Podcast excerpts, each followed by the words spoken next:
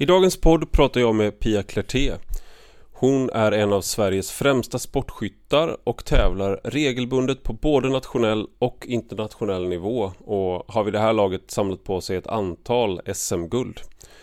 Och det var genom hennes engagemang för en rimlig vapenlagstiftning som jag upptäckte att den frågan ens fanns. Eh, förmodligen berodde det på kretsarna jag rörde mig i och var jag kom ifrån men innan jag började ta del av Pia Klertés texter hade jag pinsamt lite kunskap om skyttesporterna i Sverige. Jag hade exempelvis ingen aning om att det var den sjunde största sporten i landet med närmare 200 000 skyttar. Så varför ville Morgan Johansson, som då var socialdemokratisk justitieminister, försvåra livet för sportskyttar och jägare? När man tittade närmare på påståenden som gjordes av honom och av Polismyndigheten så verkade det, verkade det saknas belägg helt enkelt. Och godtycklig maktutövning är knappast det vi behöver mer av i, i vårt land och det är rent moraliskt något av det mest provocerande som finns. Och i vapenfrågan verkade det finnas otroligt mycket av det. Då, när jag först fick upp ögonen för den här frågan Eh, så jobbade jag fortfarande på Svenska Dagbladets ledarsida. Sedan dess har jag har mitt eget intresse på privat nivå ökat i och med att jag håller på att öva skytte inför en jägarexamen om ett par månader som jag hoppas ska gå vägen.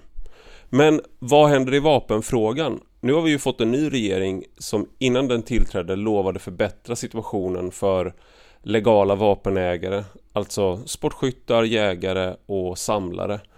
Men hur har det blivit? Jag åkte ut till Pia Klerté som bor ute på vischan vid slutet av en grusväg ihop med sambo, barn och två hundar. Ibland kan man nog höra hundarna för övrigt under intervjun eh, men förhoppningsvis stör inte det. Men nu till dagens gäst. Du lyssnar på Rak Höger med mig, Ivar Arpi.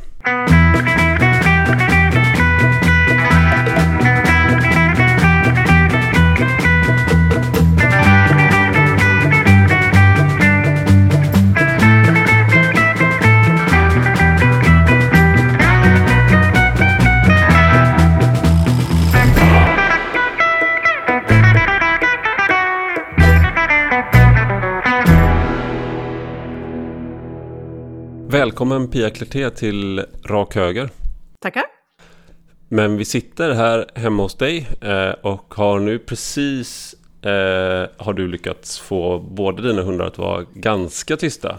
Men vi har en, en väldigt stor hund eh, som går runt här, Atlas. Ja. Vad, vad är det för hundar du har? Det, uh, Atlas är en leonberger.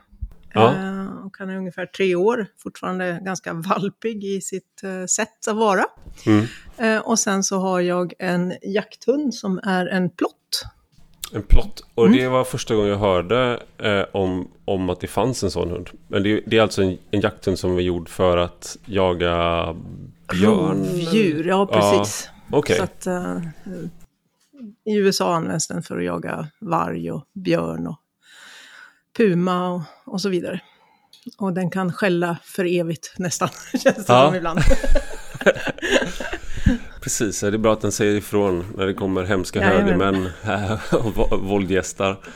Eh, men eh, du, jag, blev, jag visste inte vem, eh, vem du var förrän det gick upp för mig någon gång för några år sedan. Om det då måste nästan ha varit för att du skrev om det och liksom att andra uppmärksammade det kanske men då handlade det om ett vapendirektiv som lades fram eh, som eh, den dåvarande regeringen tyckte var en jättebra idé eh, med Morgan Johansson i spetsen.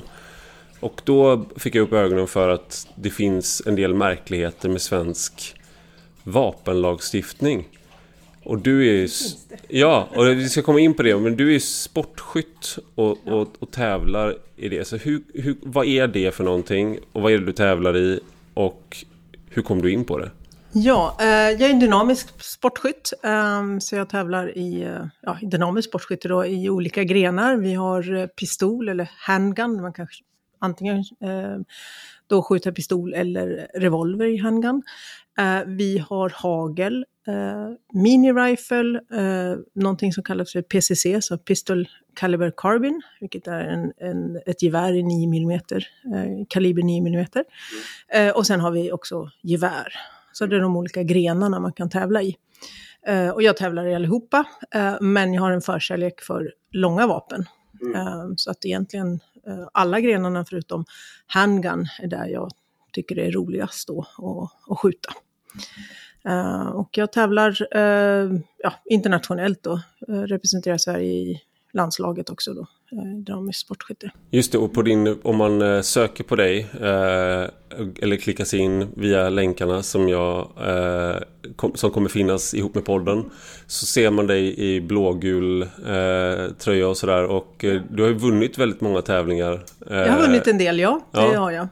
Um, så att, ett antal SM-medaljer, mm. några nordiska medaljer också.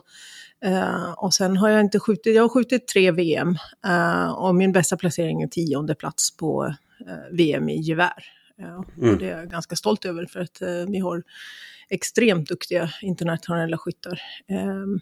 Bland annat USA och även tidigare då Ryssland som nu inte Får de inte delta längre i det är väl eh, så att de möjligen kommer att få delta under eh, vit flagga, men inte representera okay. Ryssland. Då. Det kan vara så att en del av de som tävlar också är, befinner sig någon annanstans i tjänst eller något sånt där också då? Det kan mycket väl hända. Ja. Det är ju ofta eh, förknippat med militären i, ja. i många länder.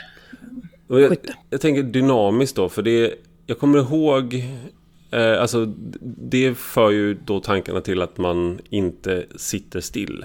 Nej, För att annars ja, ser det ju liksom Det är ju det man ser framför sig mycket skytte Att man är väldigt, väldigt stilla och mm. eh, koncentrerad eh, Ni är koncentrerade men inte stilla Ni är koncentrerade men inte dugg stilla nej. Eh, nej, det stämmer bra. Dynamisk skytte är ju att vi, eh, vi springer i en bana mm. Eh, och eh, skjuter ofta i rörelse också. Så att det inte bara är så att vi springer någonstans och sen skjuter, utan vi, vi skjuter medan vi springer. Mm.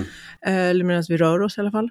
Eh, och det går på tid och poäng då såklart. Eh, men det är alltså så att det är flest poäng per minut kan man säga då. Mm. Det är den som vinner som har samlat ihop flest poäng på, på den tiden. Då. Um, och det är också dynamiskt i den bemärkelsen att alla banor ser olika ut. Det finns liksom ingen standardutförande. Uh, så att när man mm. kommer till en tävling så har man, man vet att man har en visst antal stationer, man har ett visst antal skott som ska skjutas, man måste ha tillräckligt med ammunition med sig. Uh, men sedan så, så det finns liksom ingen standardbana, utan, utan det kommer att se annorlunda ut mm. varje gång. Uh, och det är också väldigt spännande, för då får man ju anpassa sitt eh, skytte till det som, de förutsättningar som man kommer fram till.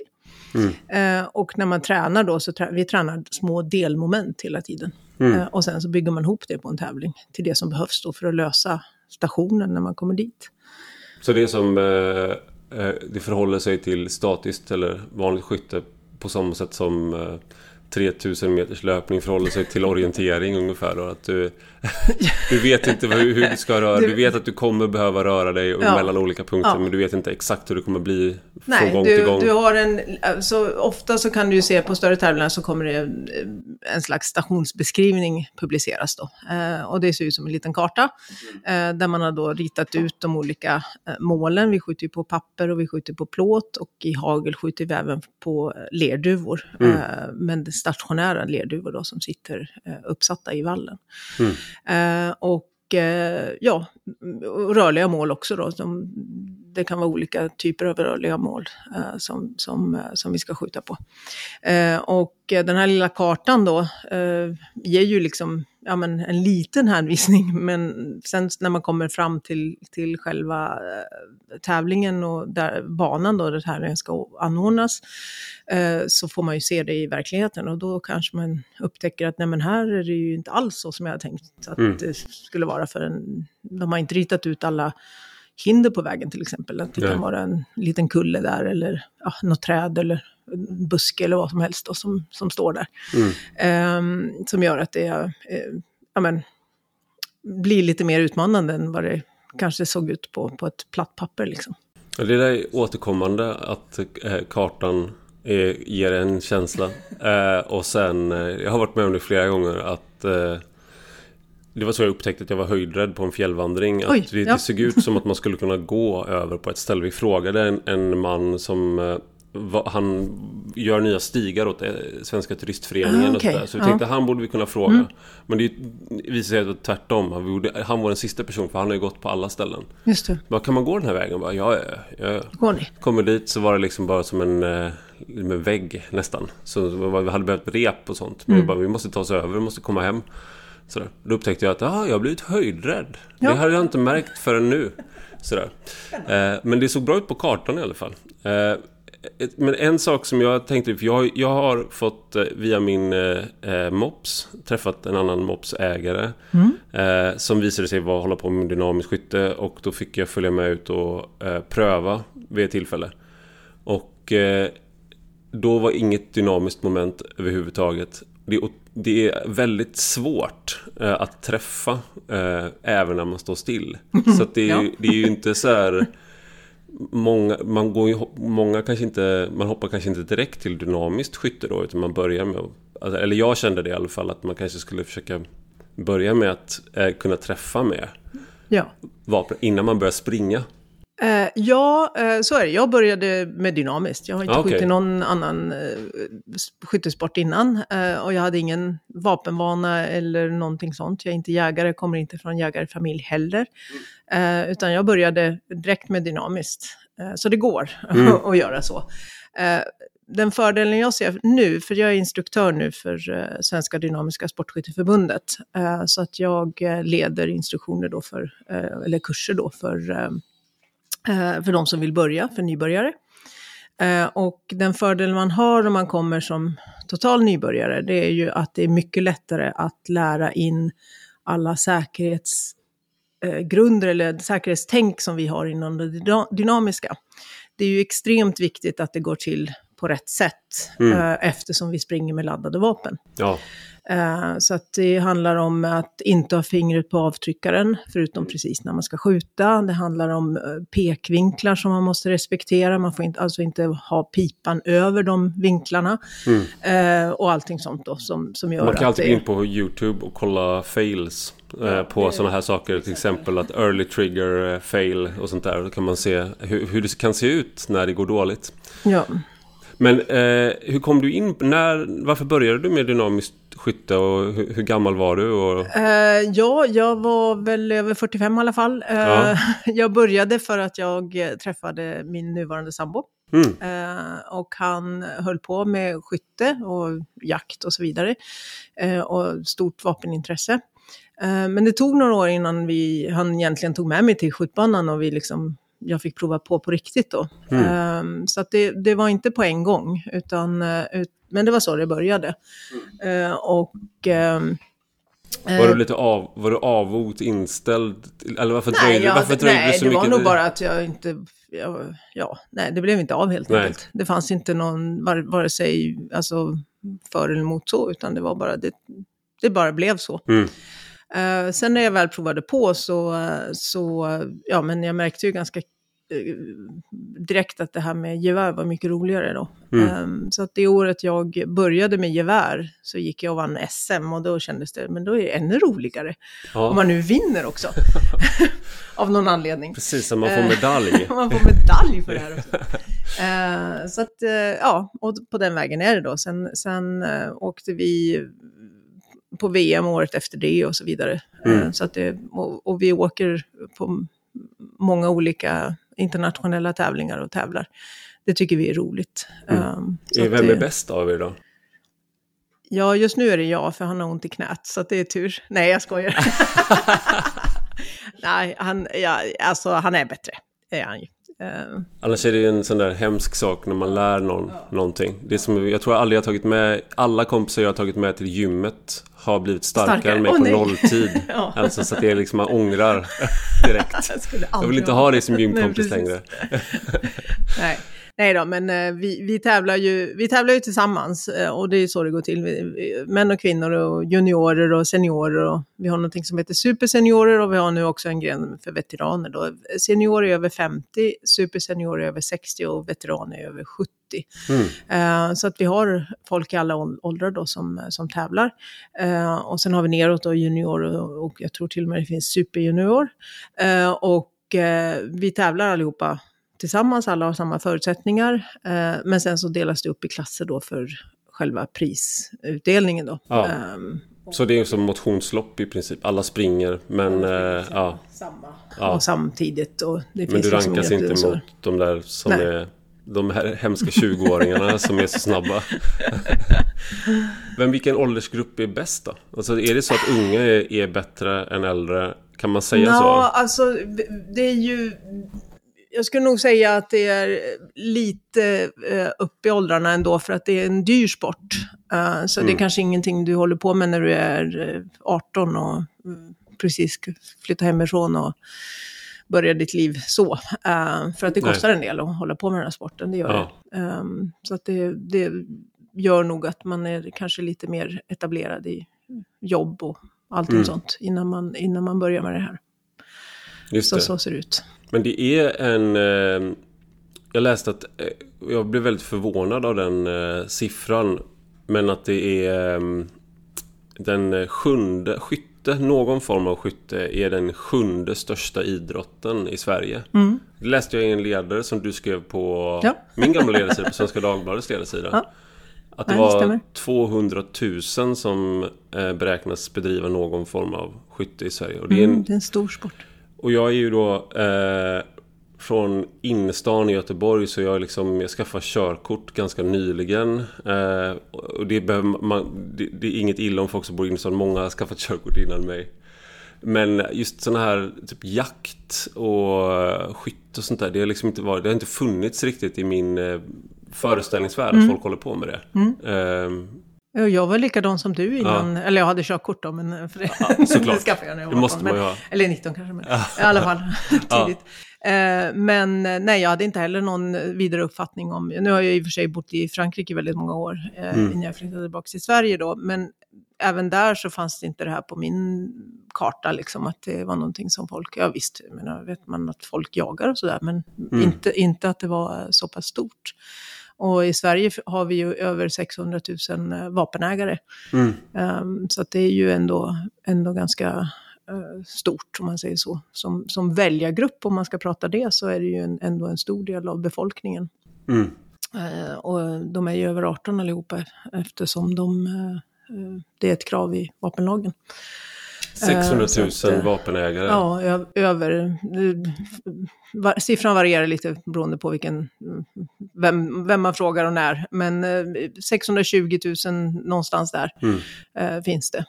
Och det finns runt 1,9 miljoner licenser. Uh, och nu har vi ju licens inte bara på vapen, hela vapen, utan även på delar av vapen, mm. som pipor och slutstycken och så vidare. Men uh, det är ändå, ändå ganska, ganska stort. Uh. Just det, men det, det här då, då bör vi börja komma in på, för att vi har ju väldigt mycket vapen per capita i Sverige. Mm. Jämfört med andra europeiska länder. Um, har, nu, det här är sånt som man ska göra innan man intervjuar. Att man kan ta fram siffror som man har framför sig här ja, på skärmen. Ja, men det har ja, jag inte. Nej. Men vi har, eh, ligger väldigt högt jämför, med jäm, eh, jämförbara länder. Eh, och vi har också väldigt många fler skjutningar då, i kriminella sammanhang än i jämförbara länder. Så att om man bara, är liksom, om man bara ställer de två sakerna bredvid varandra. Vi har jättemånga vapenägare, vi har mycket vapen per, liksom, eh, per capita och vi har många skjutningar. Då, så, tänker då, man att det är ett samband? Att det måste ju vara... Det, det är samma människor liksom. Men... Och, och liksom, vad, du som är mer insatt i det här, hur ser, hur ser det faktiskt ut då? Ja, det ser ju faktiskt ut som att det stämmer ju inte. Eh, även om eh, vi tyvärr har haft eh, politiker som har hävdat att det finns ett samband. Vi har en polismyndighet som gärna eh, försöker eh, prångla ut eller pusha eller eh, sälja eh, idén om eh, läckageteorin. Mm. Det vill säga att ju fler legala vapen vi har, desto mer eh, skjutningar och desto mer brott eh, mm. sker det. Eh, men sanningen är ju, och nu, nu är det ju faktiskt så att i Sverige har vi ju eh, forskning. Eh, det finns eh, folk som har forskat på den här frågan eh, och det är ju ganska unikt. Mm. vi har, vi har siffror som säger att det här stämmer inte alls, utan om man tittar då på de här siffrorna som bland annat Björn Hagelin och Erik Lakoma har forskat på, så ser man att det är ungefär ja, mellan ett och två, till två vapen om året som har legalt ursprung.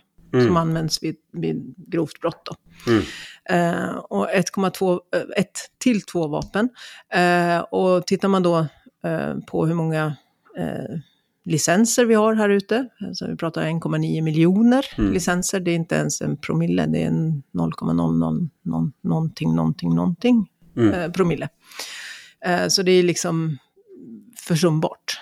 Jag tycker nästan att man borde ställa frågan varför så få vapenägare har så dålig fantasi. Alltså varför tar man inte, varför använder man inte vapen? Alltså hur, hur kan det vara så liksom få vapen som används i kriminalitet? Alltså det blir nästan som man ställer frågan så. Jag menar, för det är ju en eh, eh otroligt låg siffra. Med, med hur, vad gäller legala vapen som används i kriminalitet. Ja, och, och, och det är ju inte, det är inte legala vapen som används, utan de smugglas ju in. Uh, du kan köpa vapen på gatan för några tusen lappar. Mm. Uh, och, de har ju smugglats in då från uh, ja, företrädesvis Balkan. Då. Mm. så att det finns ju det finns tillgång till, till vapen, illegala vapen i Sverige. de behöver inte våra legala vapen.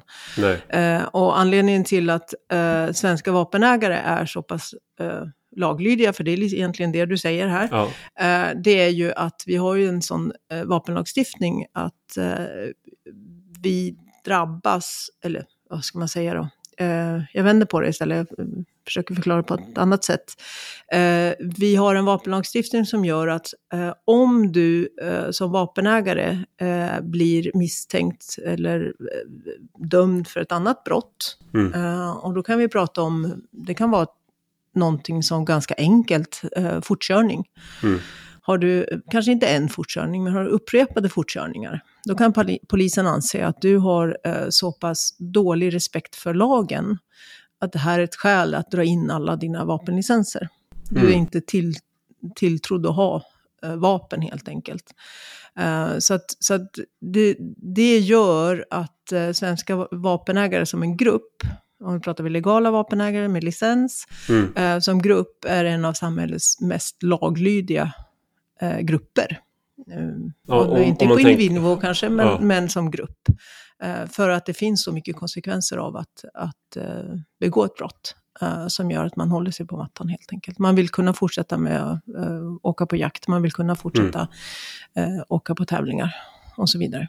Du sa det, att det ganska dyrt intresse. Så mm. du investerar ganska mycket i det. Eh, om du ska köpa en... Eh, det var, nu var det ett tag sedan jag var på svarta marknaden för en Kalashnikov från Bosnien. Men eh, det, de kostar väldigt mycket mindre än ett tävlingsvapen till exempel. Det, som du ska ja. hålla på och, och hålla igång och underhålla. Och har du då en vapengarderob, om du också är jägare och som du då som både jägare och dynamisk skytt, då har du mm. liksom olika vapen som är avsedda för olika syfte. Så det, du kommer ganska fort upp i summor där du tänker att det vore trist om det här är, pengar som brinner inne. Man har lagt ner liksom, tid och resurser på det här. Mm. Mm. Så du får ett incitament att hålla dig inom lagens ramar också. Ja, och sen har vi också en lagstiftning som gör att vi eh, har ju krav mm. eh, som, som eh, för att ens nå upp till eh, och vara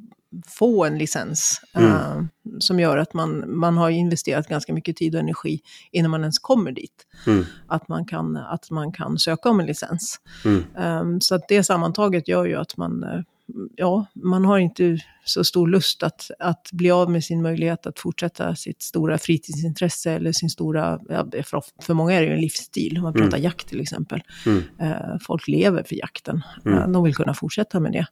Um, och då vill man ju inte bli av med vapnen på Nej. grund av att man har gjort någonting annat. För man håller på och slarvar. Nej. Men det, det jag tänker är ibland eh, jag ju, tycker att det är roligt med kampsport. Jag är, mm. en, eh, vad är det man säger på engelska, en wannabe. Så att jag är, har aldrig tävlat. Tycker det är roligt att titta. En sån som, sådär som har en pösmage och sitter och ropar på TV när man kollar på fotboll och vet hur de ska göra. Sådär. Eh, men då när, man, när jag håller på med det, liksom ändå tränar eh, och så berättar man det för vissa. Då reagerar folk väldigt, väldigt negativt ibland. Och tycker att man är liksom, de tycker att man är hotfull bara genom att man håller på med boxning till exempel.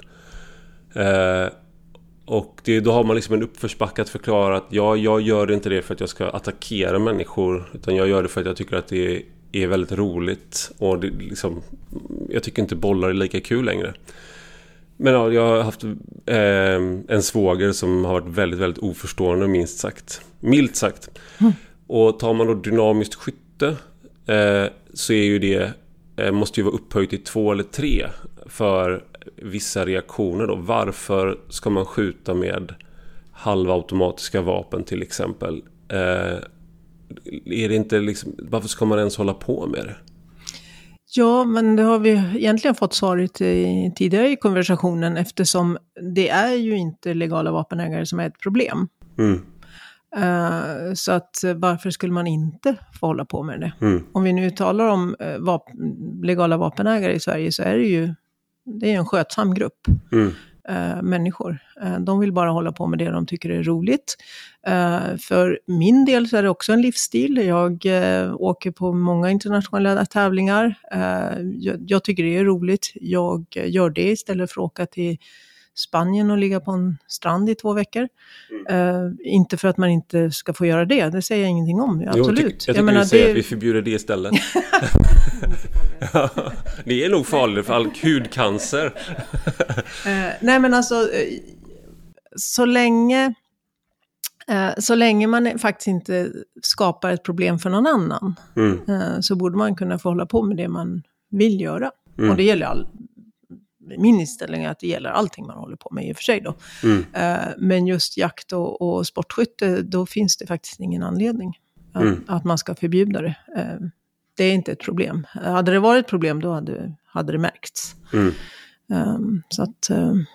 Du sa till mig eh, innan vi Eh, började intervjun också, när vi pratade inf inför att jag skulle eh, intervjua dig, att eh, om någon kriminell skulle få för sig att eh, stjäla vissa av era vapen så skulle det vara någonting de skulle ångra sen för att det är eh, Eh, och det här hade jag in, in, ingen aning om men att det är som att eh, jämföra en, eh, liksom en pålitlig Toyota eh, skåpbil med en eh, liksom Formel 1-bil som måste åka in på pitstop och skruvas av och på så tappar du ett, av, e-, liksom, ett sånt vapen som man har i en tävling till exempel.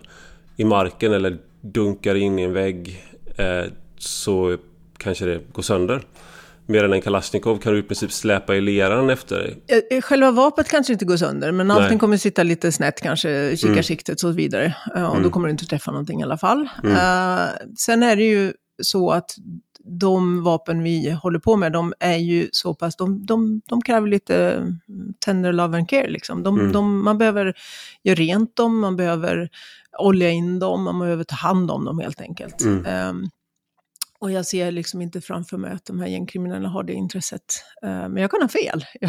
det, det, vet jag inte, men, men det känns ju lite så i alla fall. Så mm. skulle man jämföra så, nej, det är inte så pass, alltså det, i alla fall de gevär vi håller på med, eh, mm. är nog inte jätte eh, eftertraktade. Mm. Eh, eftersom det, ja, man behöver ta hand om dem helt enkelt. Mm. Och Kalashnikov, lite mindre. Och det, är, det är därför här, alltså det, fin, det, finns en jättetragisk intervju med Kalashnikov i egen hög person. Att han, han hade ju inte sett framför sig att han skulle bli, hans namn skulle bli liksom synonymt mm. med vapnet på det här sättet. Men att de är väldigt hållbara över tid och det är därför de blir, liksom, det har använts så billigt och allt sånt där. Eh, men varför liksom så som vi har i, i Sverige så är det ju då att du söker licens på du får till exempel, du tar jägarexamen, då får du tillgång, får du, kan du ta licens på vissa vapen och sådär. Sen så måste du... Eh, men hur, hur, går det till med liksom, om du ska ta licens till exempel på... Ja men för en av de här eh, pistolerna som man då kan använda i dynamiskt skytte. Är, liksom, och blir du då betrodd med att ha en licens på ett av de gevären man tävlar med? Eller är det en separat licens? Alltså, hur, ser förfarandet ut? Ja, um, som du beskriver så har ju våra licenser i Sverige, uh, vapenlicenser då, en, ett ändamål. Mm. Uh, så att jakt är ett ändamål och målskytte är ett annat ändamål. Uh, man får faktiskt tävla med ett vapen man har på jakt, mm. men man får inte jaga med ett vapen man har som ändamål målskytte. Eh, utan den uppdelningen finns där i vapenlagstiftningen. Då. Eh, och sen är det ju Naturvårdsverket då, som bestämmer vilka eh, vapen som är lämpliga för jakt. Då. Mm. Deras mål är ju att det ska vara så skonsamt för viltet som möjligt. Så att gärna snabbdödande verkan om man ska tala klarspråk här. Mm. Eh, för sportskytte då, eller målskytte, eh, i alla fall inom det dynamiska, som jag kan prata om då eh, i detalj, eftersom det är det jag kan, mm. Så måste du ju först gå en grundkurs i dynamiskt. och det är ett antal teoritimmar, det är ett teoretiskt prov som man måste skriva. och sen så är det ett antal praktiska timmar också. Mm. Eh, den praktiska delen har som syfte att lära ut säker vapenhantering. Mm. Eh, som jag sa tidigare så är det extremt viktigt inom det dynamiska med den här säkra vapenhanteringen. Eftersom vi springer med eh, laddade vapen. Mm. Så där är det stort fokus på det när vi kör den praktiska delen. Då.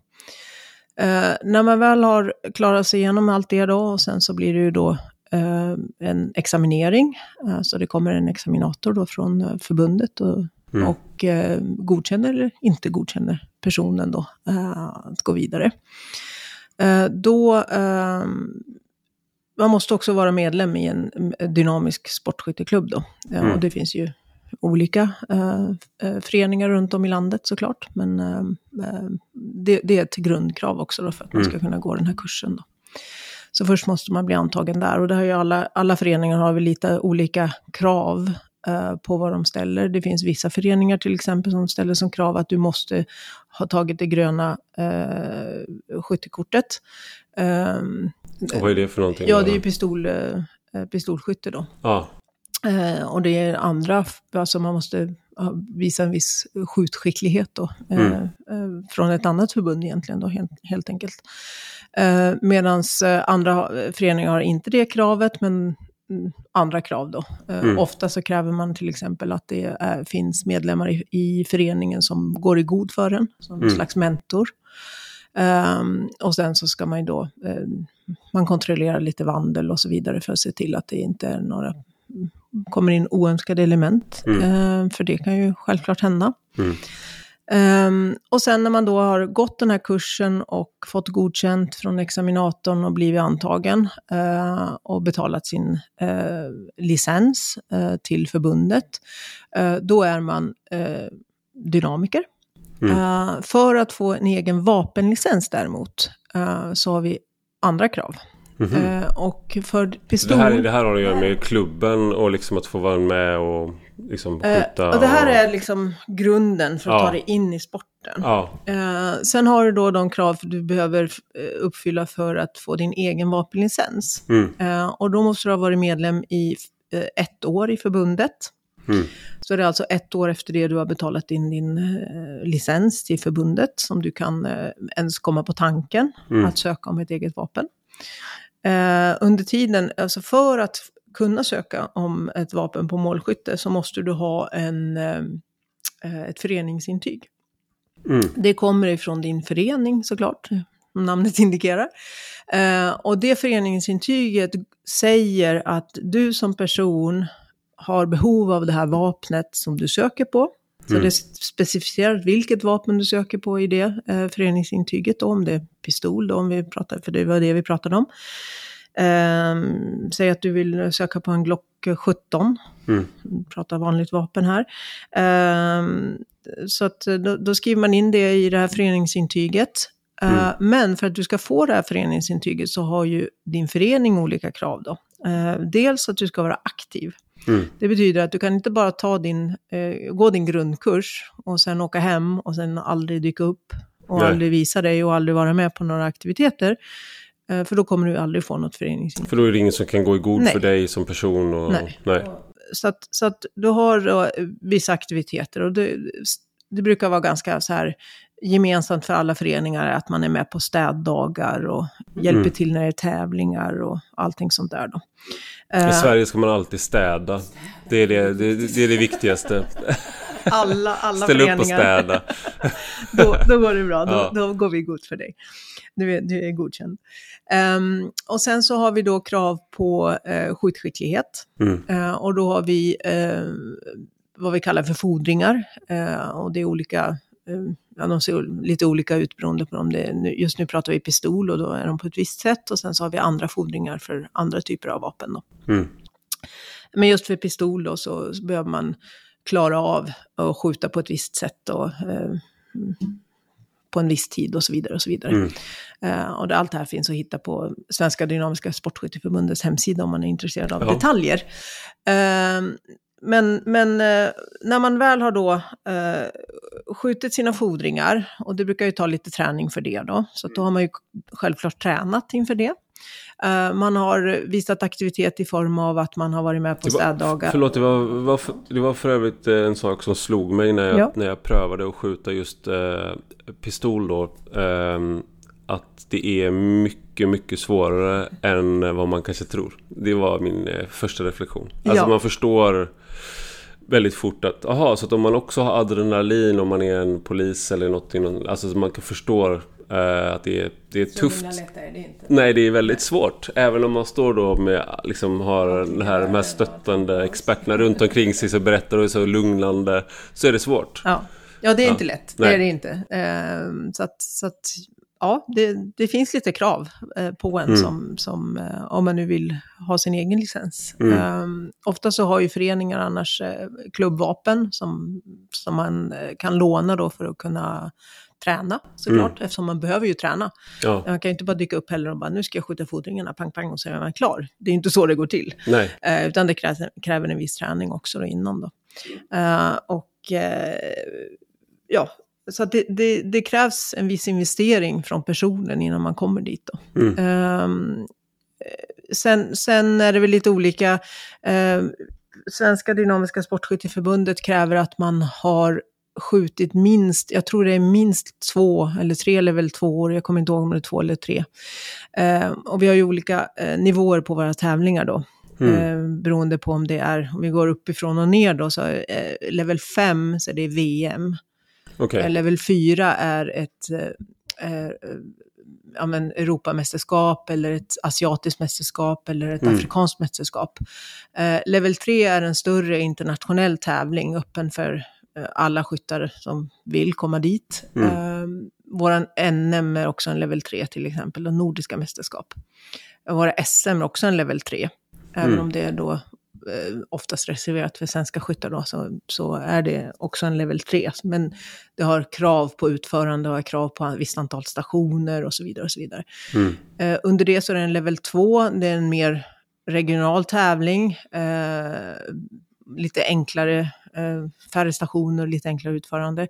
Level 1 är en typ klubbtävling. Mm. Eh, kan vara öppen för ut, utomstående men oftast bara för klubbens medlemmar. Så de här olika nivåerna finns på tävlingar då. Och eh, för att man ska då eh, kunna få sitt föreningsintyg så måste man ha varit med på minst två eller om det nu är tre, eh, tävlingar då av en lite högre nivå för att, och inte blivit eh, diskvalificerad. Alltså mm. att man har klarat sig hela vägen igenom. Eh, för att kunna få sitt första föreningsintyg då från, eh, från klubben. Okay.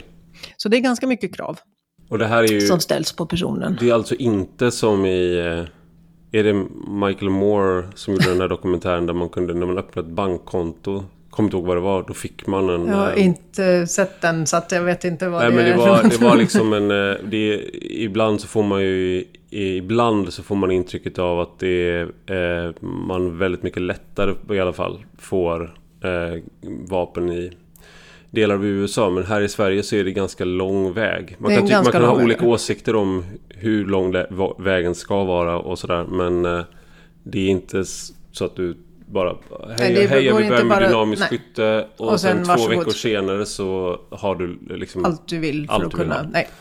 Eh, sen har ju polisen krav också. Du måste mm. ha till exempel eh, godkänd förvaring mm. eh, för att äga en, eh, ett vapen i Sverige. Mm. Eh, och det är ju ja, ett vapenskåp då som mm. har en viss klassificering. Då. Så att det finns ju sådana krav också såklart. Sen så kommer ju polisen också, för de har ju ansvar, det, det, alltså det sista ansvaret att, att du ska vara godkänd som vapenägare, det är ju vandel. Mm. Och det är polisens ansvar att se till att du som person eh, är tillförlitlig då att inneha vapen. Mm. Så det kommer ju de kontrollera såklart vid din första ansökan. Mm. Eh, och eh, sen är det ju så att alla vapenägare, eh, hela registret av eh, legala vapenägare i Sverige, körs mot brottstankeregistret och så vidare eh, varje dygn.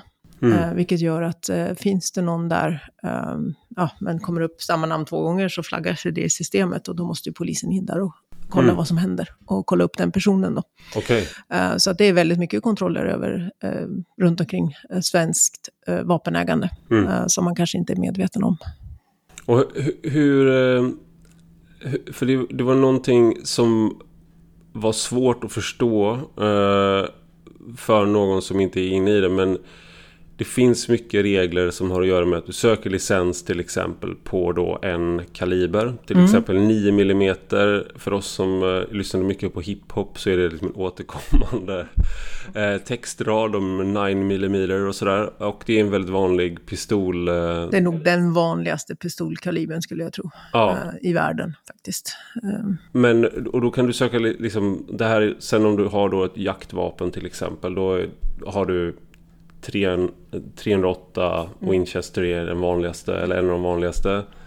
Men sen om du då skulle byta, många, många eh, om du byter då grepp till exempel till, eh, eh, till vapnet så att du, så, och kan du byta kaliber också till exempel. Då är det ett nytt vapen eller har jag missförstått någonting? Då behöver du en ny ja, licens. Alltså, så här, du får, du får, när du söker, eh, när du gör din ansökan eh, mm. hos polisen då för en vapenlicens, uh, så har du två möjligheter. Antingen så vet du exakt vapnet du ska söka på. Du mm. har ett serienummer och så vidare. Det är det här vapnet som jag har hittat hos en vapenhandlare eller en privatperson eller så vidare. Um, men jag vet exakt vilket vapen det är. Mm. Um, och då har du ju då, uh, du har ju eh, ett, ett, märke, du har en, en, kaliber, du har eh, ett serienummer och så vidare som du kan skriva ner. Uh, och då söker du licens direkt på det vapnet. Mm. Eh, annars kan du köpa, no eh, förlåt, du kan ansöka om någonting som, som kallas för inköpstillstånd. Mm. Eh, då har du inte exakta vapnet. Du har kanske inte hittat det eller ja, så. Men du vet att du vill ha en Glock 17 mm. i 9 mm. mm. Eh, vart, vilken du sen köper Alltså att du inte har serienumret är egalt då. Mm. Uh, så att du kan söka antingen om ett specifikt vapen, tillstånd, äh, vapentillstånd på det vapnet, eller så kan du uh, göra en, en, ansökan om inköpstillstånd. Mm. Uh, och det, det, är inte no, det är inte någon skillnad egentligen i liksom vad du behöver för att söka de båda. Men på de båda så står det ju exakt vilket vapen, vilken kaliber och så vidare, vilket utförande. Eh, är det ett gevär som måste du skriva piplängd och alla möjliga frågor som du måste svara på. Eh, så det måste du skicka in till polisen och de godkänner antingen, alltså det är ju ganska enkelt för dem om det faktiskt är ansökan om ett vapentillstånd, för då, då är det ju det specifika vapnet. Mm. Det, det, har ju ett utförande redan.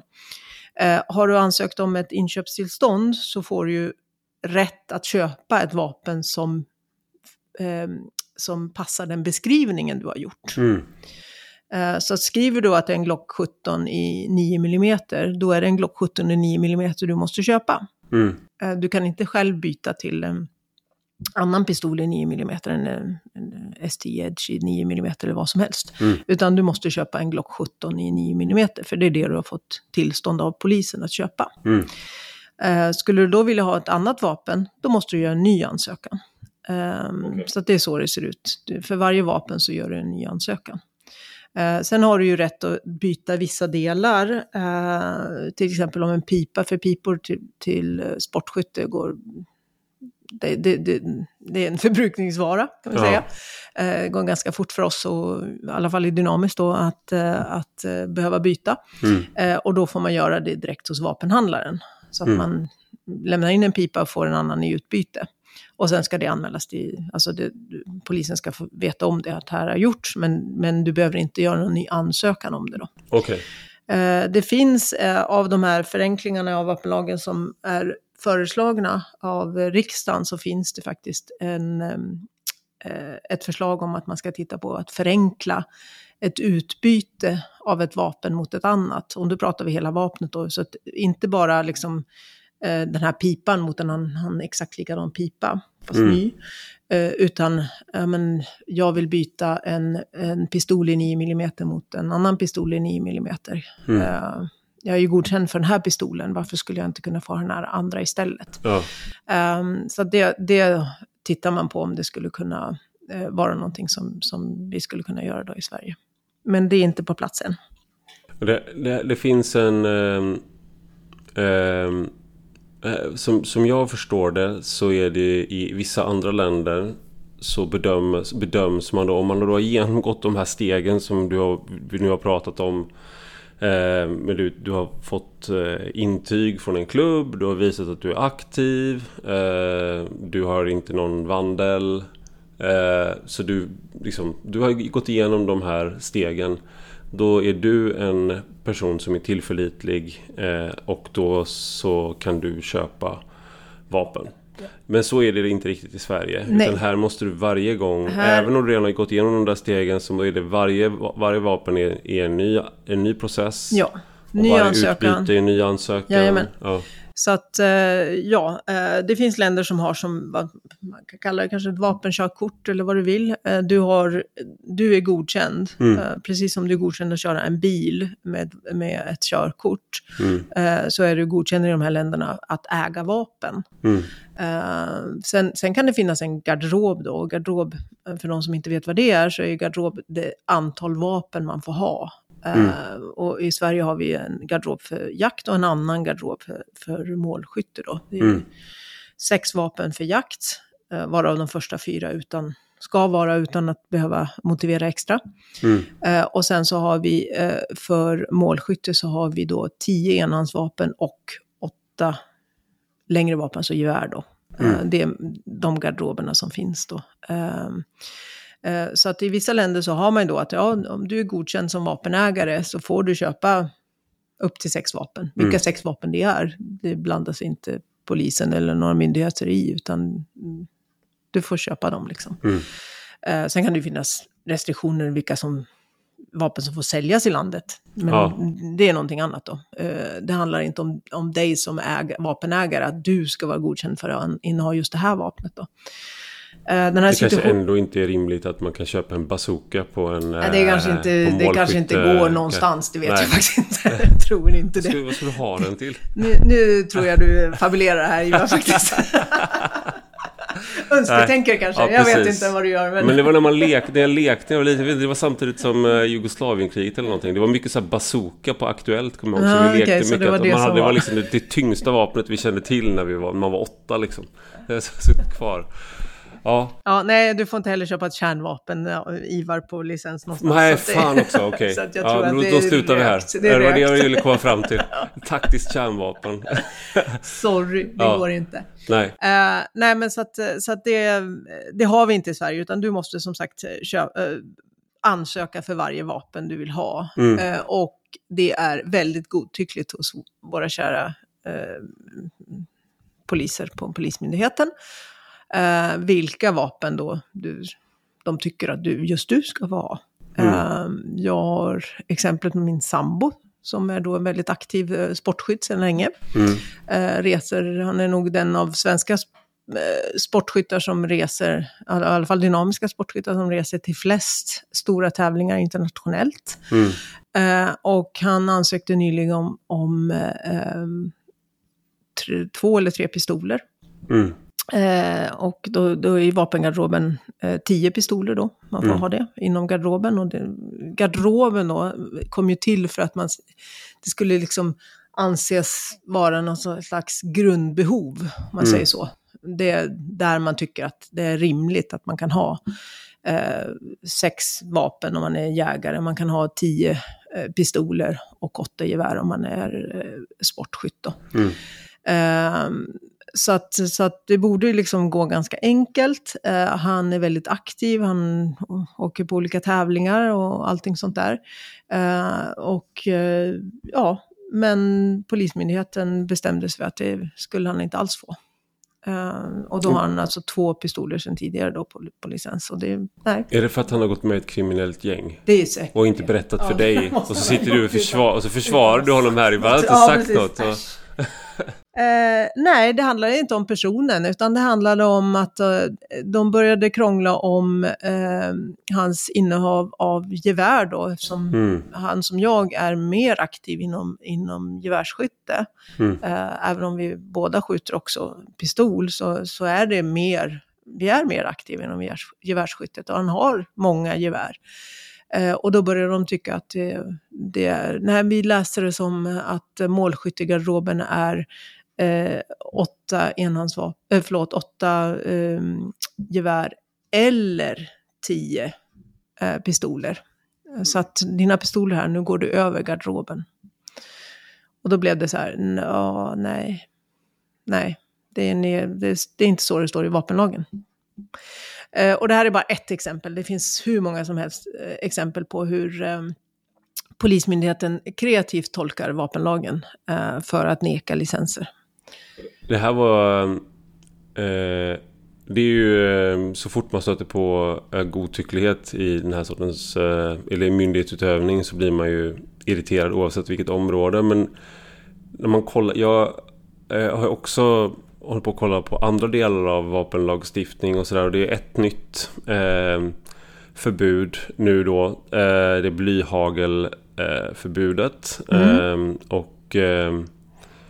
Då är det ju att Naturvårdsverket då, eh, de, de har fått ett regeringsuppdrag att eh, liksom stötta jägaren i förbudet mot blyhagel. Naturvårdsverket konstaterar att det beroende på uppdragets storlek går att få fram olika material men att underlaget inte blir juridiskt bindande. Det vill säga du kan fråga om råd, de kan ge kartor på då att du, du ska inte skjuta bly i närheten av våtmark. Ja, Eh, det här, det här kommer ja. ju från EU då, Ja. eh, om vi backar bandet lite grann. Det här är ett, eh, förbud som kommer från EU.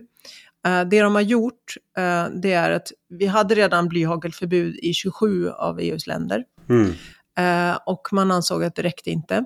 Eh, förlåt, 24 av, eh, 24 av EUs länder. Eh, och man ansåg att det räckte inte. Eh, för att man ville att alla länderna skulle ha ett blyhagelförbud. Det man gjorde då, det var att man införde ett ännu strängare eh, blyhagelförbud än det som fanns. Eh, för det som fanns i Sverige var ett blyhagelförbud. Man fick inte använda blyhagel eh, vid jakt över eh, grunda vatten. mm, Eh, och det bygger ju på att änder äter grus. Mm. Eller, ja, äter grus för att eh, smälta maten helt enkelt. Mm. Eh, och då finns ju risken att de får med sig bly Mm. eh, ner i magen. Och bly tillsammans med syran i magen är ingen bra kombination. Eh, och därför så hade man det här förbudet redan i Sverige. Eh, och i 24 andra EU-länder. Eh, EU-kommissionen tyckte det här räckte inte alls, så nu skulle vi ha ett nytt förbud. Eh, och det nya förbudet är då att det är eh, inte, bara, förbud mot, inte bara ett förbud mot blyhagel i eh, grunda vatten, utan i våtmark. Och då har man definierat våtmark, en helt ny definition, inte som vi hade tidigare i Sverige, utan allt som är blött, typ. Mm. Där det har varit en snödriva och har smält ner till en vattenpöl. Mm. Eh, diken, eh, pooler, även anlagt vatten är nämligen våtmark numera. Så att allting som är blött eller har varit blött eller kan bli blött i stort sett har man ansett, det ska, där ska förbudet gälla då. Mm. Eh, därav det här behovet av kartor. För att mm. det är inte riktigt rimligt liksom, att man ska veta exakt var det är blött någonstans. Nej. Uh, och uh, medan det tidigare var ganska ty tydligt, skjut inte blyhagel över uh, grunda vatten. Nej. Det, det, vet man om man gör eller inte. Det ja. är ganska, ganska upp. Har man sett en myr eller gått på en myr så vet man vad det är. Ja. ja. Eller utöver öppet vatten till ja, exempel. Uh, så att, ja, fine. Det man gjorde också det var att man vände på bevisbördan. Uh, så att istället för att man då skulle bevisa att du har begått ett brott här, mm. uh, så ska du som Eh, jägare då bevisa att nej, du har faktiskt inte eh, begått något brott här. Eh, så att det är du som ska bevisa att du är oskyldig. Och det är mot alla rättsprinciper som vi har i hela EU. Så det finns inte ett land som har sådana rättsprinciper idag. Men det här gick igenom. Och tyvärr så var tidigare regering då inte alls eh, motsatt det här, utan, utan de var till och med så att de var för det. Mm. Eh, och de blev tvungna, eh, tidigare då, eh, miljö och klimatministern blev tvungen att ändra upp ändra uppfattning i, i EUs eh, ministerråd. Eh, för att hon gick dit med uppfattningen om att, eh, vi pratar om Isabella Lövin, hon gick dit med uppfattningen om att hon skulle rösta ja till det här eh, förbudet, men tvingades av riksdagen att byta ställning då och mm. rösta nej. Nu var ju det för sent, eh, för att det här skulle ha kommit mycket tidigare. När man förhandlar i EU så är det viktigt att det är, man tidigt visar att det är tillräckligt många länder som är emot någonting. Mm. För då kommer det aldrig liksom läggas fram som ett förslag. Uh, men här blev det inte så då. Så det här röstades igenom uh, och därav det här uppdraget av den nuvarande regeringen till Naturvårdsverket mm. att ta fram kartor då, eller ta fram mm. någonting som ska hjälpa jägare. Men som du sa, uh, det Naturvårdsverket säger att ja, vi kan tala om ungefär så, mm. men det kommer inte vara juridiskt bindande. Så om du då blir fast mm. Eh, så har du begått ett miljöbrott då, för det är miljöbalken då som det här finns, eh, det här förbudet. Och då eh, är det vandel? Eller då är det ja, liksom, jag kan tänka mig att det känns risker, lite, lite, lite, inte så bra att du har råkat äh, åka fast för det här då. Så du går runt där med din karta äh, som du har fått från Naturvårdsverket men... Äh... Och du går runt med en blyhagelpatron i fickan. Ja. Du behöver inte ens använda den. Nej. Du behöver inte ens jaga med den, som var tidigare förbudet, att du fick inte jaga här med det här. Här i det nya blyhagelförbudet så får du inte ha den på fickan. Mm. Det är helt orimligt.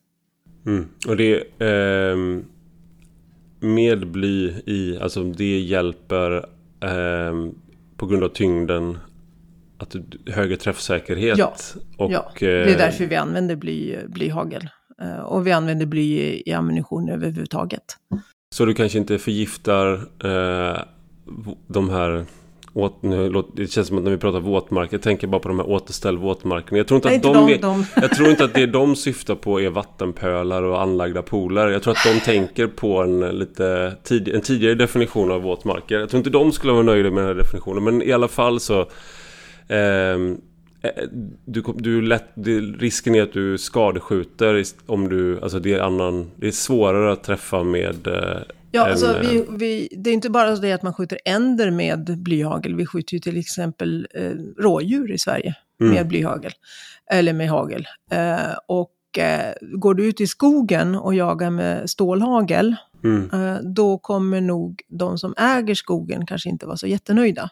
För mm. stålhagel mm. i virke, då, då, antingen så får man, antingen har de något system för att, att sålla bort det, mm. men det kan bli väldigt mycket virke som, som man måste sålla bort.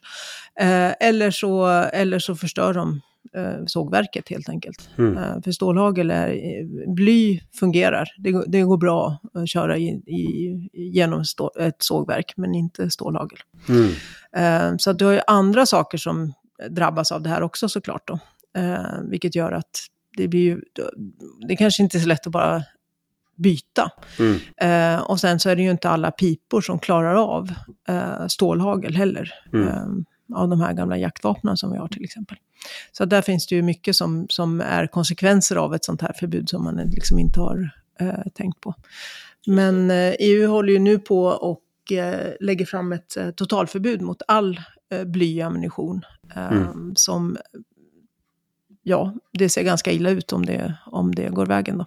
Mm. Eh, och det är förbud mot eh, både för jakt eh, men också för eh, faktiskt eh, skytte på skjutbana.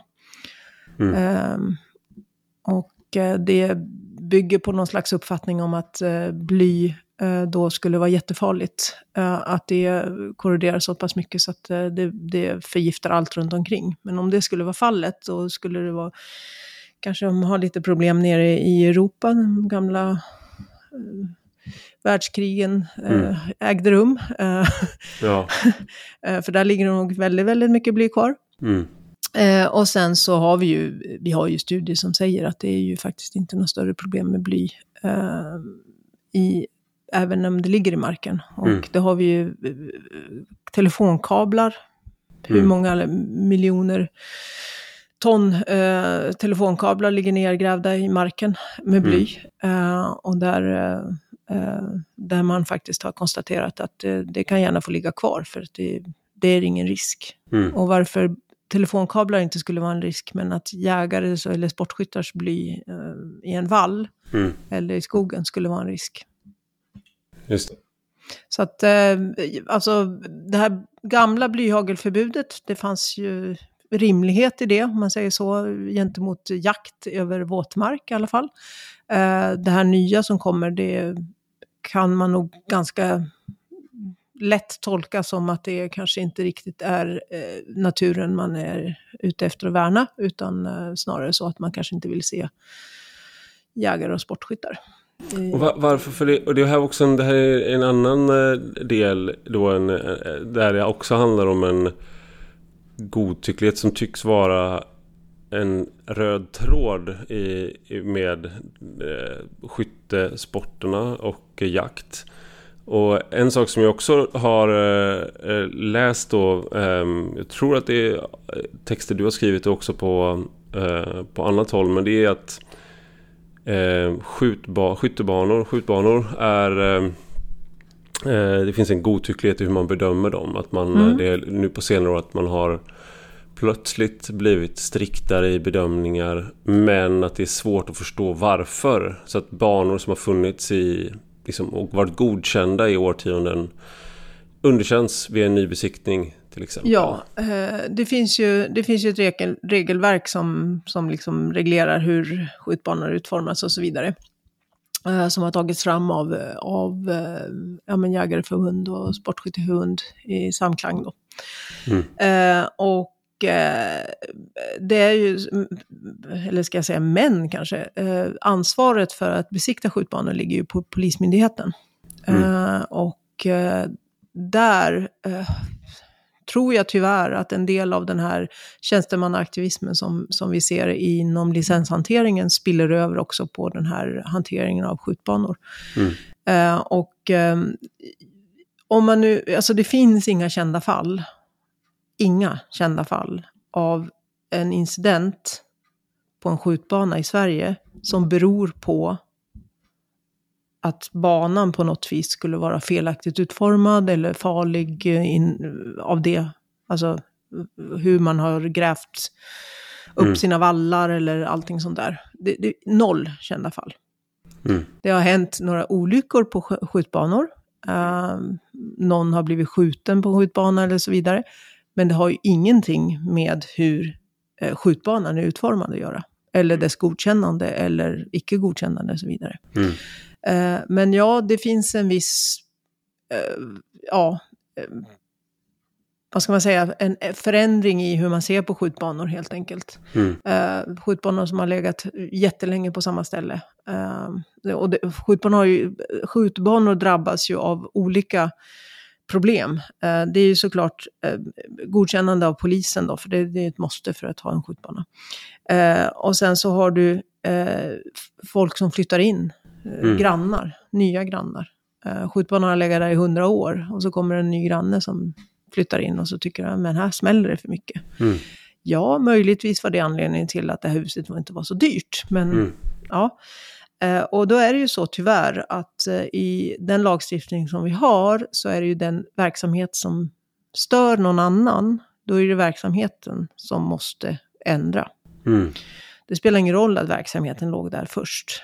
Um, och, och det kan jag tycka är lite bekymmersamt för att, för att med den här urbaniseringen, om man ska kalla det så, då, eh, när, när folk flyttar närmare och närmare skjutbanorna som tidigare låg väldigt långt ute på landsbygden. Mm. Och man har ju lagt dem där av en anledning.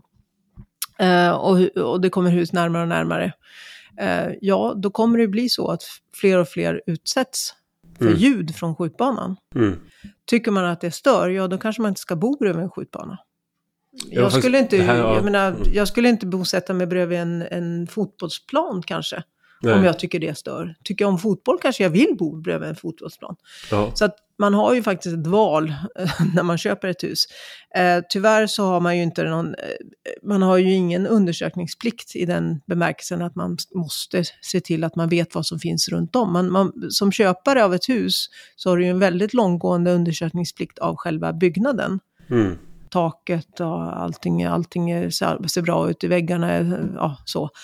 Eh, det finns ingen muggel eller vad det nu kan vara för någonting. Din undersökningsplikt som köpare är väldigt långtgående. Mm. Däremot så behöver du inte undersöka om det här huset faktiskt ligger granne med en, en fastighet som stör det eller någonting sånt. Det, andra exempel är ju bondgårdar.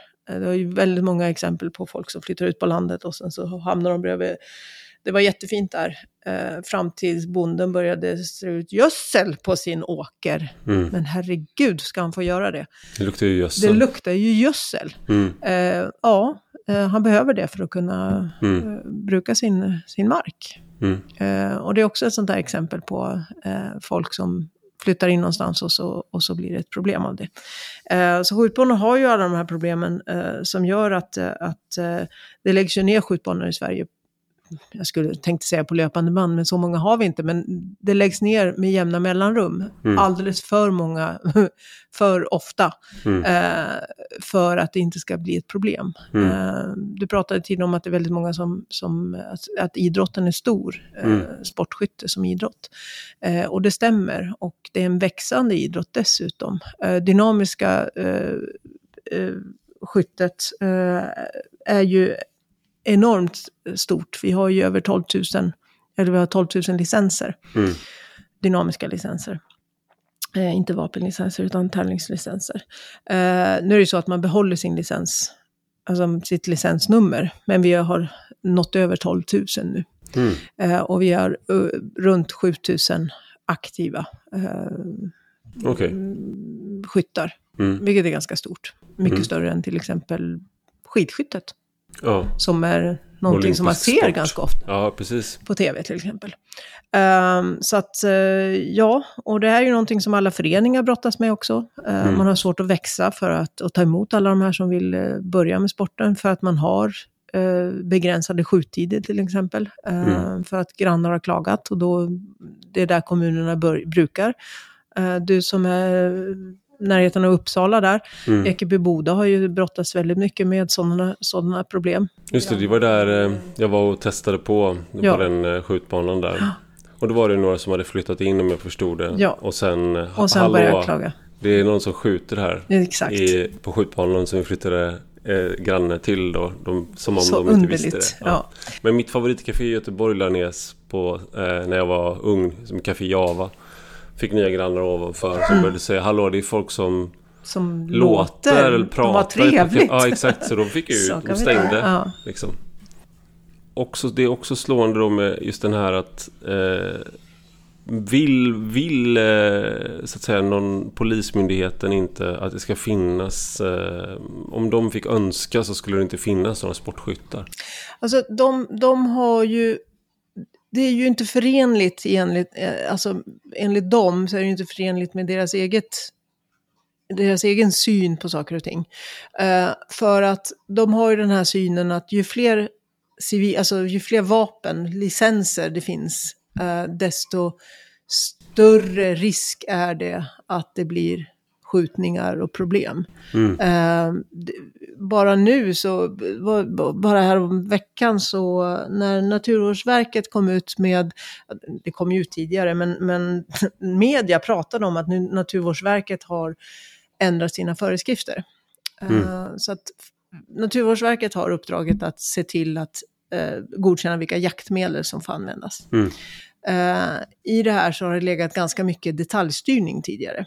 Mm. Nu har Naturvårdsverket kommit ut med nya eh, riktmedel. Eh, och riktmedel? Riktlinjer. Riktlinjer. ah, ja. säga, säga att du håller på med, med, med, med, med skytte utan att säga att du håller på med skytte. nya riktlinjer mm. från Naturvårdsverket. Um, där de då släpper på kraven uh, som tidigare fanns av ursprung och utseende. Mm. Tidigare så fanns det alltså krav på att vapnen som användes för jakt inte fick komma från, alltså ha ett militärt ursprung. Mm. Uh, och sen så fanns det ett krav på utseende då, att de skulle inte se militäriska ut. Uh, älgen struntar i det. Ja. Jag tror älgen struntar helt och hållet i hur vapnet ser ut. Eller om det har använts i någon konflikt någonstans i världen tidigare. Mm. Samma vapentyp.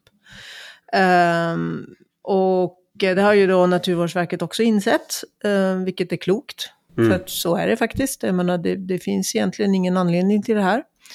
Uh, och uh, när det här då släpptes som nyhet i media uh, så har vi då alltså uh, en företrädare för polisen som står och säger att uh, det här kommer ju leda till, i stort sett, det här kommer leda till fler skjutningar. Mm. Nu blir det High Chaparral. Nu blir det High Chaparral. Nej, det blir det ju inte. Det, det handlar om att alltså, jägare fick ju redan ha halvautomatiska vapen så, mm. och det är fortfarande inte ett problem. Så jag menar, hur det här, den här tankegången har gått till att det här skulle bli mer skjutningar. Mm. Det är en karta som jag inte kan rita upp i alla fall, för att det, det är för mycket steg emellan som någonstans eh, helt i, ologiska. Mm. Eh, men det är ju det här narrativet som polisen har underhållit i alla år. Eh, jag har varit aktiv i den här debatten ungefär sedan du sa för några år sedan så uppmärksammade du dig. Eh, jag uppmärksammades av dig? Ja, precis. Nej, men du uppmärksammade det jag höll på med inom den här debatten och det var ungefär då jag började, för det var när EUs vapendirektiv var, när de började diskutera det. Mm. Eh, runt 2016. Mm. Det var då jag gav mig in i den här debatten. Och jag var ju alldeles färsk dynamiker. Mm. Uh, hade skjutit ganska lite då. Jag hade väl vunnit mitt första SM kanske, eller inte. När jag vann SM det året tror jag, uh, strunt samma. Uh, och då var det väldigt mycket från polisens sida att, ja men, eh, läckageteorin då, som, som, som den kallas. Mm. Eh, ju fler vapen som finns, desto mer skjutningar kommer vi ha. Mm. Och det bara stämmer inte. Mm. Men de håller ju fortfarande på och säger det här. Och det är det vi nu ser med Naturvårdsverkets föreskrifter. Det är samma narrativ, att ju fler, åh, oh, nu kommer jägare kunna ha den här vapentypen också. Åh, oh, fler skjutningar. Nej. Det här logiska sambandet finns bara i polisens egen huvud. Precis. Det finns inte någon man annanstans. Man har bidat sin tid, liksom, fram tills man fick ett vapen som hade ett lite tuffare utseende. Ja, och då började ja, man begå terrorbrott. Då kommer... Ja, man har bara väntat. Ja.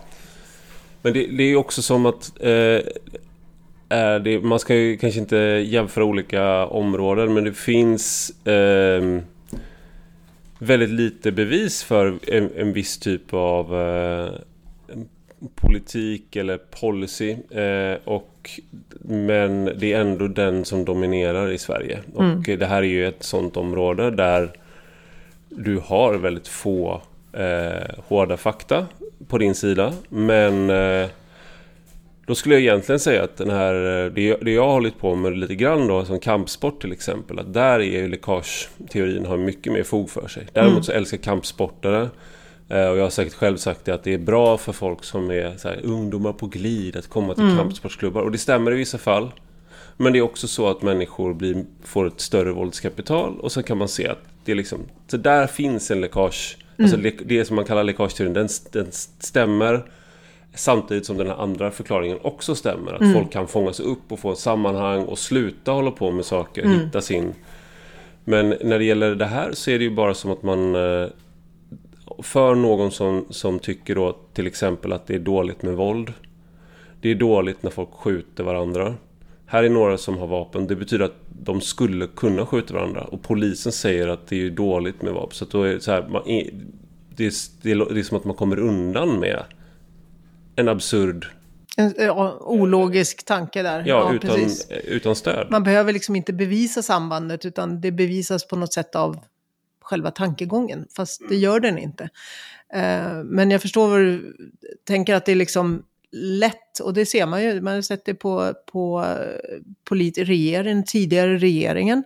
Mm. Företrädare stått justitieminister, eh, tidigare justitieminister Morgan Johansson har ju stått i riksdagen och, och, och eh, argumenterat om eh,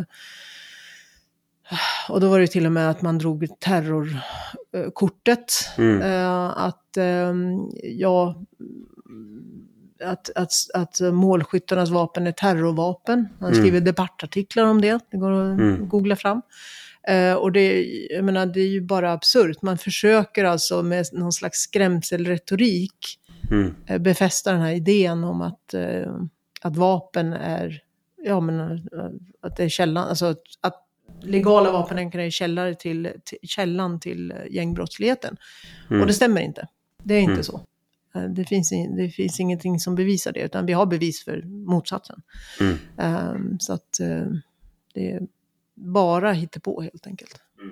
Men lätt att, lätt att prångla ut. Och det är väldigt, väldigt lätt att som politiker stå i riksdagen och säga vi har skärpt vapenlagarna. Nu kommer allting att upphöra. Ja, fast det ni har gjort, det har gjort det svårare för legala vapenägare som mig att få ett vapen. Ni har ju inte gjort det svårare för de gängkriminella som köper sina vapen på gatan de struntar fullständigt i, om vi nu ska prata om de nya ändringarna som kom alldeles nyligen, eh, det vill säga implementeringen av vapendirektivet, där det har blivit alltså tillståndsplikt på vad de kallar för stora magasin. Mm. Eh, det vill säga över 20 skott för en pistol och över 10 skott för ett gevär. Mm. Eh, hur det nu ska ha någon slags effekt på skjutningar, det är ju helt absurt. Det här var en, en, en sportskytt som, jag vet inte om han, eh, han har inte godkänt att jag läser säga hans namn, men mm. Eh, Stefan Siverud som, eh, han är museitjänsteman och sportskytt mm. med mera. Han skrev då till ett antal för det, polisen är indelad i olika regioner ja. och han skrev och frågade om de här magasinen. Hur, hur ska man göra? Hur ska en hemvärnstjänst, hur ska någon som, en, en hemvärnsman som mm. har ett tjänstevapen men har ett magasin som man köpt själv eh, liksom, hur gör man med licenser och sånt där. Och eh, alla myndigheter svarade olika. Eh, och mm. apropå den här godtyckligheten då. Mm. Men ingen kan ju det... ge då en, eh, ett sånt svar som sen blir eh, som man kan, kan använda sen. För, nej, för det är som, som Naturvårdsverket hade sagt då, det är inte juridiskt bindande. Nej. Utan det kommer, kan prövas. Ja. Och med andra ord, om det finns en sån ja. godtycklighet så kan du åka dit på någonting. Fast, fast det, egentligen så finns det ingen godtycklighet i vapenlagen. Nej. För där står det uh, att det är statens vapen och statens magasin, alltså mm.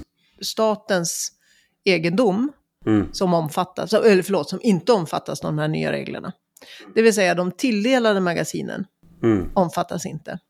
Uh, och uh, jag träffade Gunnar Strömmer innan uh, propositionen lades fram och gav honom en lista på de här problemen som, från, som kommer av att man har valt en viss implementering av vapendirektivet.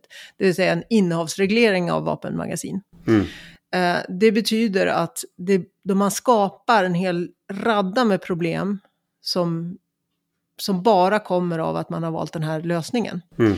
Det är hemvärnspersonal, även poliser eller andra statliga anställda som, som om det nu finns tulltjänstemän eller så, så vidare, eller till och med eh, de som jobbar, för, eh, som jobbar på ett säkerhetsföretag och så vidare, eh, som inte har egna vapenlicenser, men mm. de har köpt egna magasin. Mm. Eh, av den här storleken då, som regleras, de får inte ha dem efter den första juli. Eh, eller man har till den sista oktober på sig att göra någonting av med dem. Antingen sälja dem eller slänga dem eller söka licens på dem. Då. Eh, regleringen man har valt det är att eh, man måste ha licens på ett vapen som det här stora magasinet passar till.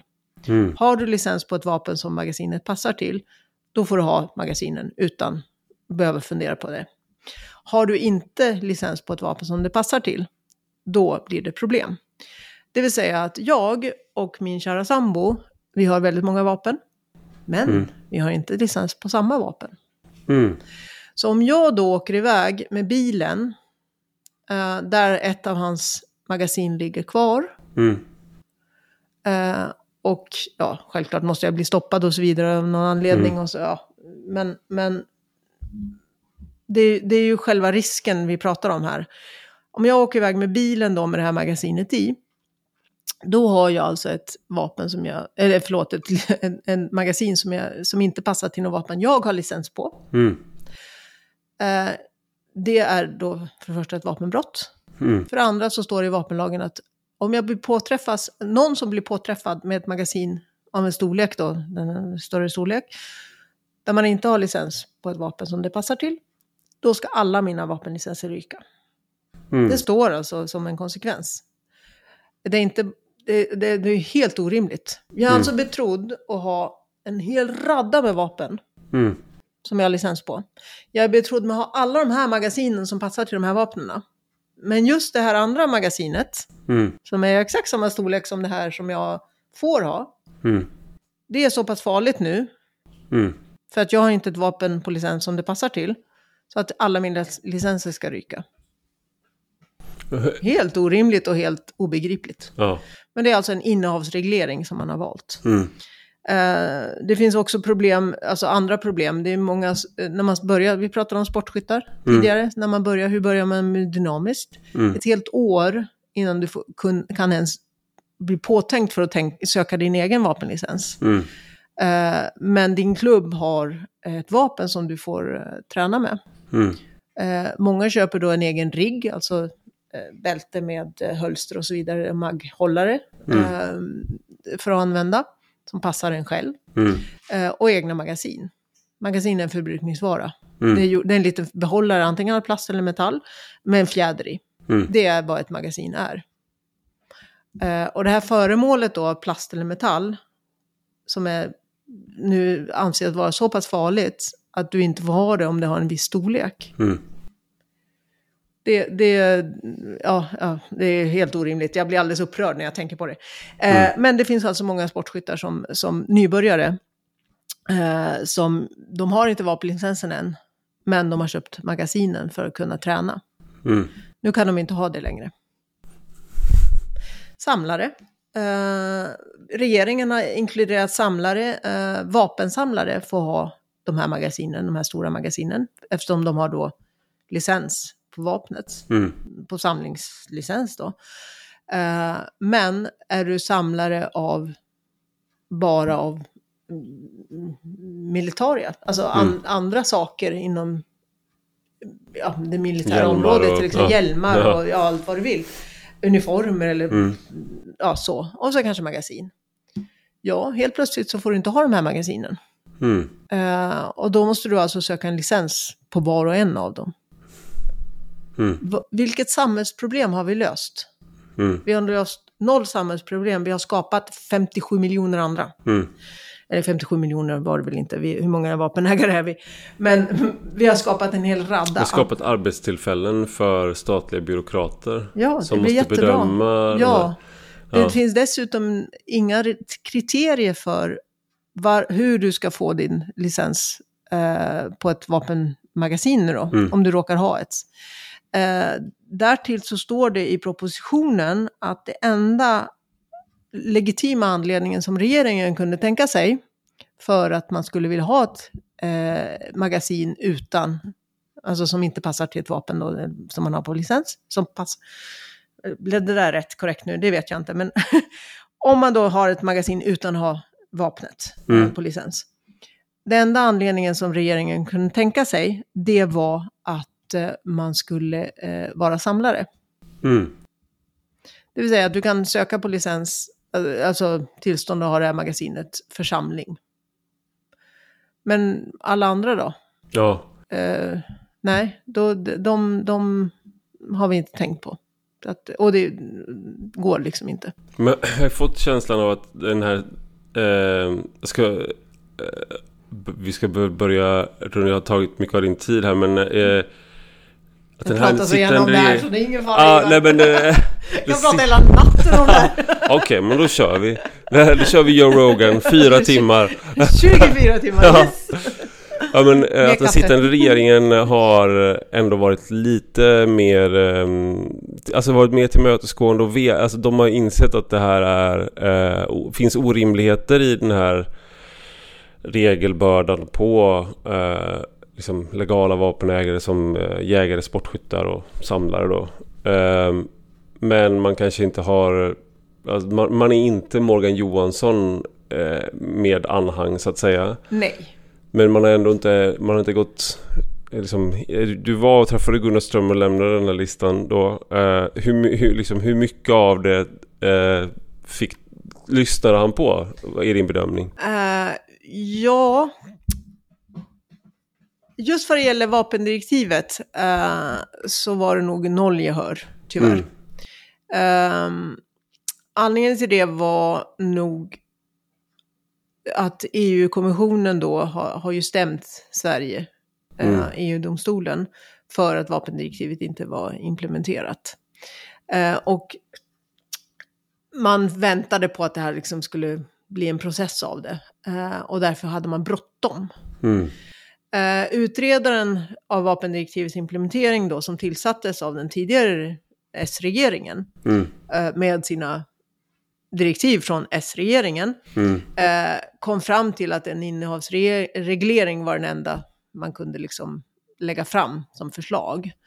Eh, utredaren sa också att en eh, användningsreglering, alltså det vill säga att man, att man reglerar när man stoppar i magasinet i vapnet, att man får eller inte får det, mm. eh, skulle vara förenlig med vapendirektivet. Men man hade inte tid att reda ut exakt hur det där skulle kunna gå till, utan man förlorade sig i en väldigt krånglig version av det, som mm. jag tror var ett sätt att slippa lägga fram ett förslag där. Mm. Uh, ja, jag, jag, bedömer att man ville ha en innehavsreglering och därför så var det det som levererades. Mm. Uh, det här ärvdes ju av nuvarande regeringen. Uh, den nuvarande regeringen gjorde vissa förbättringar, mycket bra man la till att eh, eh, till exempel märkning av eh, historiska vapen, mm. att man skulle använda det undantaget som finns i direktivet. Det vill säga att har man ett historiskt vapen så kan man ansöka om att inte behöva märka det, vilket ju är väldigt bra, för jag menar, man förstör ju ett, alltså, det går inte att backa på en märkning på ett, av ett vapen. Eh, och att man ska behöva stansa in en massa nummer eller siffror eller bokstäver eller vad det nu är för någonting, mm. i, en, eh, i ett historiskt vapen är ju hål i huvudet. man måste ju veta vilken musköt det är som används vid nästa terrordåd. Exakt så. Ja. Eh, så att det är helt orimligt att, att den tidigare regeringen faktiskt inte ens ville över, överväga det. Men det har den här nu, nuvarande regeringen alltså tagit höjd för och det är bra. Eh, man har tagit bort vissa saker som till exempel reglering av vapenmagasin vid transport och förvaring och införsel. Det finns alltså inga krav där. Mm. Eh, för det finns inte i vapendirektivet. Det finns mm. inga krav för allt det där i vapendirektivet, utan, utan eh, eh vapendirektivet reglerar eh, kombinationen av ett halvautomatiskt vapen och ett stort magasin. Då. Nu gör jag sådana här citattecken, mm. de är för stort. Um, och, och det är det som regleras. Um, så att, så att ja, regeringen har gjort vissa förbättringar av det. Mm. det. det. ska jag medge. Men man har, nådde inte hela vägen fram. Eh, man utredde aldrig användningsreglering. Mm. Eh, när man såg den här utredningen så hade man kunnat gjort en snabbutredning av användning. Kan man faktiskt reglera så? Mm. Eh, för, och anledningen till att vi är lite besvikna över det, vi vapenägare som är lite aktiva, mm. du nämnde Stefan Siverud till exempel, mm. eh, det är ju för att regeringen gick till val, och då pratar vi hela regeringsunderlaget, mm. gick till val på att inte överimplementera vapendirektivet. Mm. Och det var specifikt magasinsfrågan som var den stora frågan. Den tidigare regeringen har försökt i omgångar att lägga fram olika förslag som reglerade magasin. Man har till och med försökt reglera, eh, ha tillstånd på alla magasin. Eh, och det gick inte igenom för att då riksdagen sa nej till det. Mm. Uh, och det var ju den här, uh, de här partierna från, från Eh, regeringsunderlaget som sa nej tillsammans med Vänsterpartiet då, eh, till den här överimplementeringen. Eh, och sen så kommer man till makten och så helt plötsligt så är det inte en överimplementering längre. Ja, okej, okay. vi kan diskutera semantik här, men det är en överimplementering. En användningsreglering hade räckt gott. Och med en användningsreglering, det vill säga att man reglerar kombinationen av eh, eh, halvautomatiskt eh, vapen och magasin av en viss storlek. Eh, och att det ska vara eh, reglerat för, eh, tillåtet då för målskyttar, vilket mm. vapendirektivet medger. Eh, gör man då en välvillig tolkning av vad en målskytt är, som vissa länder har gjort, till exempel Schweiz, där mm. man säger att okej, okay, är du på skjutbanan fem gånger på fem år eller vad det är för någonting, jag kommer inte ihåg exakta detaljerna, men det räcker med att man åker till skjutbanan någon gång då och då, då anses man vara en målskytt och därför får man ha det här. Mm. Eh, man skulle kunna ha gjort det på något liknande sätt, jag vet inte exakt ordalydelsen, men att man då tolkar det som att ja, men en målskytt får använda. Mm. Målskytt i Sverige, det, det inbegriper ju alla som använder sitt vapen för att skjuta. Det vill säga jägare får, mm. är ju med där också. Det, alla. Mm. Um, då hade man ju inte haft några av det här problemen med hemvärnspersonal. Man hade inte haft något problem med sambor som har olika vapen på olika licens. Uh, man hade inte haft något problem med uh, nybörjare och så vidare och så vidare. Um, så att, så att uh, Men man, man hade, hade ont löst. om tid. Det var ju tråkigt. Man hade ont om tid och jag tror att eftersom EU hade, förlåt, eftersom Sverige hade ordförande, var ordförandeland i EU mm. så såg det inte så bra ut att bli stämd i uh, EU-domstolen och därför så ville man skynda igenom det här. Mm. Uh, däremot så sa du tidigare att, att uh, den här regeringen är mer välvilligt inställd och det tror jag att de är, absolut. För det finns ju andra förbättringar som riksdagen har lagt fram.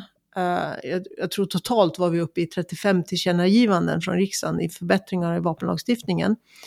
Uh, många då samma sak som de sa om och om igen i och för sig, men, men totalt 35 tror jag det var. Ja. Uh, och det här kom ju från partierna som nu är i regeringsunderlaget, mm. i Tidöpartierna.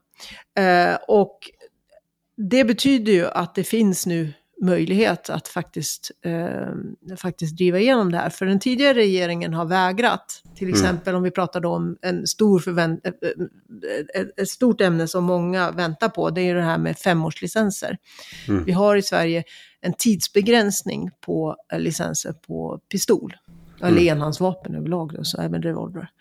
Eh, och den är begränsad då till, till fem år. Så var femte år så måste du söka om mm. eh, licens på samma vapen som du haft då i dina fem år. Eh, det här tillkom år 2000 om jag inte missminner mig. Eh, och det eh, var sagt att det skulle vara bara en formalitet med den här förnyelsen. Mm. Det har ju visat sig att det inte alls är en formalitet. Polismyndigheten använder det här för att ställa nya krav hela tiden mm. på eh, hur du ska kunna få licens på det vapen du redan har licens på mm. vart 50 år. Eh, och det är många sportskyttar som, som har råkat ut för problem eh, med Polismyndigheten. Eh, vi har en, en dynamiker, han, jag tror han hade vunnit 16 SM och två, tre EM och allt, bra placerad på VM och så vidare. Eh, och så sökte han då eh, licens eh, och polisen bara nej, du är inte tillräckligt aktiv.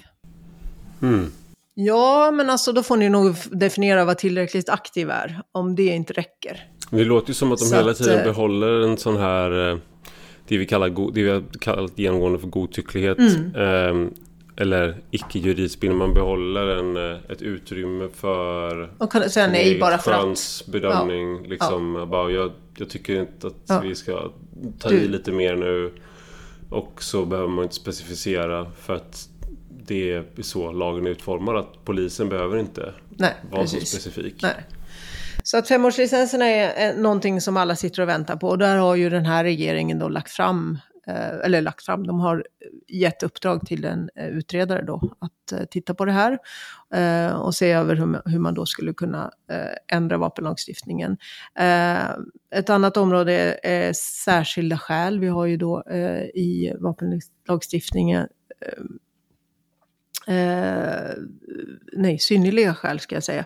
Eh, för synnerliga skäl i, i lag betyder ju att det ska finnas, alltså det ska bara vara godkänt på undantag. Mm. Eh, och har man det som ett skäl i vapenlagstiftningen betyder det att polisen då faktiskt kan neka på mm tycka att du har inte tillräckligt med anledning här att få licens och därför nej. säger vi nej.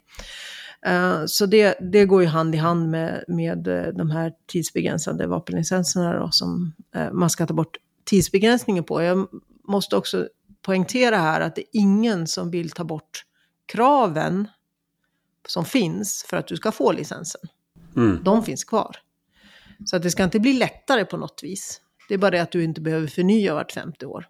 Mm. Och eftersom det inte är eh, sportskyttarnas pistoler som används på gatan så finns det ingen anledning till de här femårslicenserna. Mm. För det är inte så att de läcker ut. Nej. Utan, utan eh, eh folk är ju faktiskt skötsamma.